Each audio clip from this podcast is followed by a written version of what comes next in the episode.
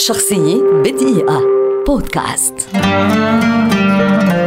عباس بن فرناس. هو أبو القاسم عباس بن فرناس بن ورداس التاكرني عالم ومخترع موسوعي أندلسي ولد في روندا بأسبانيا عام 1810 للميلاد في زمن الدولة الأموية في الأندلس واشتهر بمحاولته الطيران إضافة إلى كونه شاعرا وعالما في الرياضيات والفلك والكيمياء.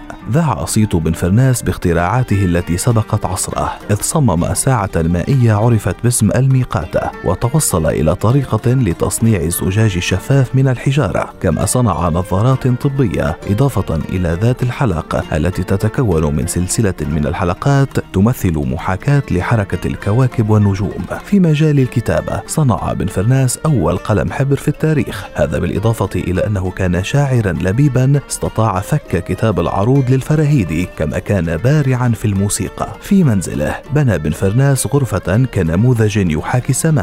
يرى فيها الزائر النجوم والسحاب والصواعق والبرق التي كان يصنعها من خلال تقنيات يديرها من معمله أسفل منزله. أما أعظم إنجازاته فهي استخدامه جناحين في محاولة منه للطيران بالقرب من قصر الرصافة في بغداد ليسجل أول محاولة لإنسان للطيران في التاريخ. عام 887 للميلاد رحل عباس بن فرناس أحد أبرز العلماء في التاريخ عن عمر ناهز 77 عاما وتكريما له سميت فوهة قمرية باسمه. كما وضع تمثال له أمام مطار في بغداد. كتب عليه أول طيار عربي ولد في الأندلس. وفي الرابع عشر من يناير عام 2011 افتتح جسر عباس بن فرناس في قرطبة على نهر الوادي الكبير. وفي رندا افتتح مركز فلكي يحمل اسمه.